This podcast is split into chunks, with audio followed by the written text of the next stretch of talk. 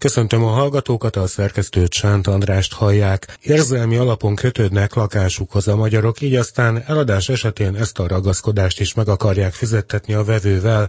Az eredmény a valós piaci értékhez képest országos átlagban 600 ezer forintos túlértékelés. Erről a jelenségről beszélgettem Szabó Mártával, az OTP ingatlanpont üzlet és hálózat fejlesztési vezetőjével milyen mértékben rugaszkodnak el a realitástól. Tehát nem egyszerűen csak az alkú lehetőségét kalkulálják, illetve az ügynöki jutalékot? Nem, sokkal inkább a tapasztalatlanságuk, hiszen életük során csak néhány alkalommal értékesítenek lakást, vagy pedig az érzelmi kötődésük befolyásolja az árnak a meghatározását, és nem az alkumértéke vagy az ügynöki jutalék, amit figyelembe vesznek. Tehát ezt próbálják megfizettetni, mondván, hogy hát kedves vevő, fizesd meg, hogy hajlandó vagyok megválni szeretett lakásomtól, tehát mondjuk ennyire laikus mm, módon? Inkább úgy, hogy hosszú ideig éltek ott sok esetben, vagy olyan emlékek, élmények kötődnek hozzá, ami befolyásolja őket, és sokkal értékesebbnek látják, tekintik az ingatlanjukat, mint amit a piac megenged. Kiszámolták azt, hogy átlagosan nagyságrendileg milyen mértékű a túlárazási hajlam Magyarországon?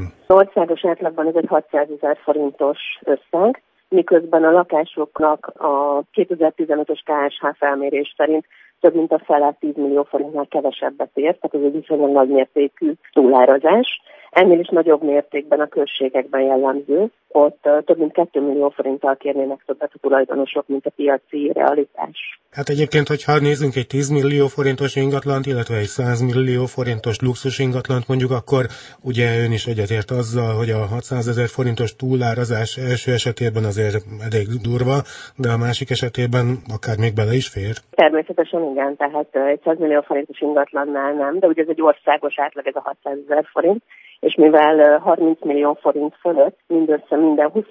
ingatlan van országos átlagban, azért ez egy nagyon magas szám. Egyébként mi a gond a túlárazással? A piac ugye gondolnánk, hogy úgy is szabályoz, túl drágán véletlenül senki sem veszi majd meg a lakást. Pontosan így van, tehát a megfelelő árazás az a sikeres értékesítésnek a kulcsmozzanata, hogyha túlárazottan kerül az ingatlan a piacra, akkor ez befolyásolja az értékesítési időt, vagy akár meggátolja az értékesítésnek a lehetőségét. Az tehát lehet a végkövetkeztetés, hogy hiába dübörög az ingatlanpiac, mert hogy dübörög, érdemes észszerűen árazni, hogyha az ember el is akarja adni a lakását. Pontosan így van, és éppen ezért értem egy szakemberhez fordulni, akik egyrészt a piaci adatokkal is teljesen képben vannak, másrészt pedig az érzelmi kötődésük sincsen meg tehát helyesen tudják meghatározni az árat, amiben természetesen figyelembe veszik a normál alkónak a lehetőségét. Na most, hogyha ingatlan irodához, vagy ingatlan szakértőhöz, közvetítőhöz fordul az eladó, sokan szerintem azt gondolják, hogy félő, hogy az iroda éppenséggel alulárazza az ingatlanát, hiszen hát ugye abban érdekelt, hogy gyorsan elkeljen a lakás, és megkapja a jutalékát. Azt gondolom, hogy hosszú távon az ingatlan közvetítők az elégedett ügyfelekkel járnak jól, és elégedett akkor az ügyfél, hogyha megfelelő áron, megfelelő idő alatt